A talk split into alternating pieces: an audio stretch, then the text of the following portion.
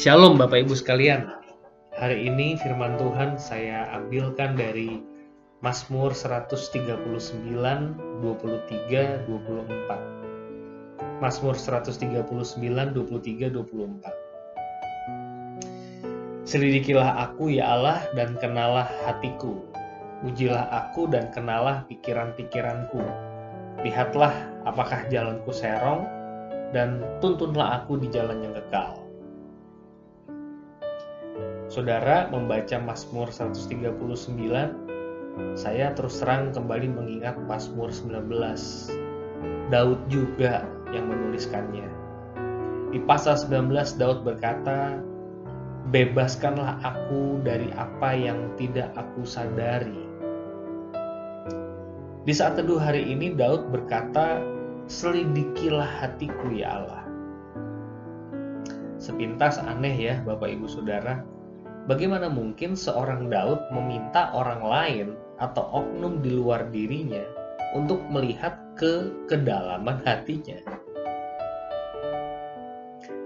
Saudara dan saya kan suka bilang ke orang lain, kamu nggak ngerti perasaan saya, kamu nggak nempatin posisi saya, kamu tidak menempati sepatu saya.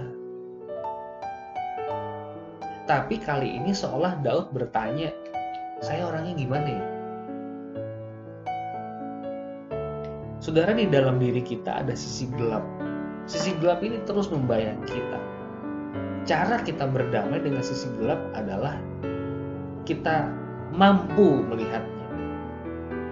Kita menghentikannya.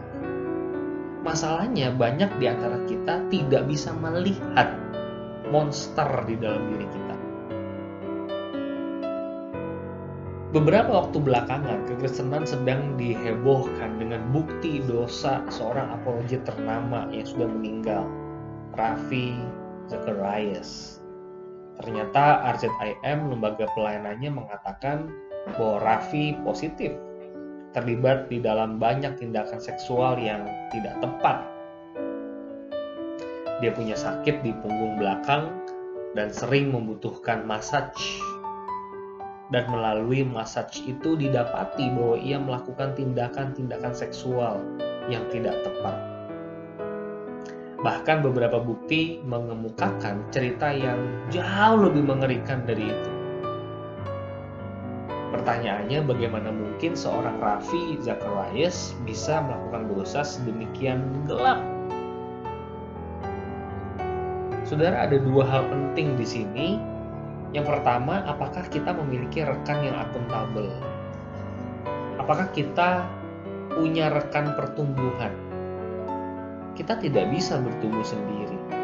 Kita butuh partner yang jujur, yang di hadapannya kita bisa menjadi diri kita sendiri apa adanya. Kita butuh komunitas untuk hidup bersama-sama sebagai anak Tuhan.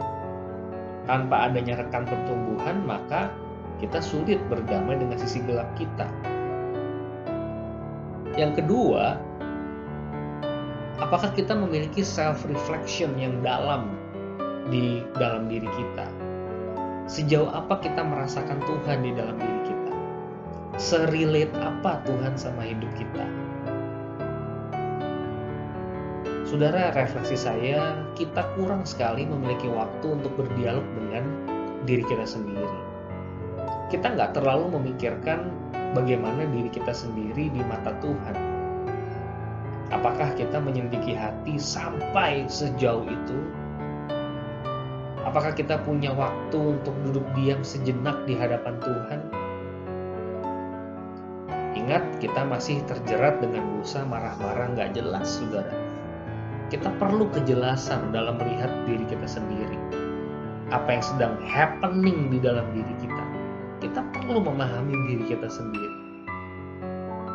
Semoga momen prapaskah ini menolong kita dalam berelasi dengan diri kita sendiri secara lebih mendalam. Sekali lagi dua hal saudara, miliki rekan yang akuntabel dan milikilah self reflection yang mendalam seperti pemazmur Daud.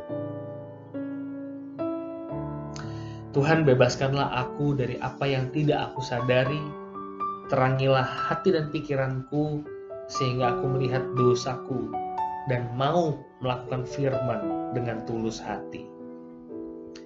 Dalam nama Tuhan Yesus kami berdoa. Amin.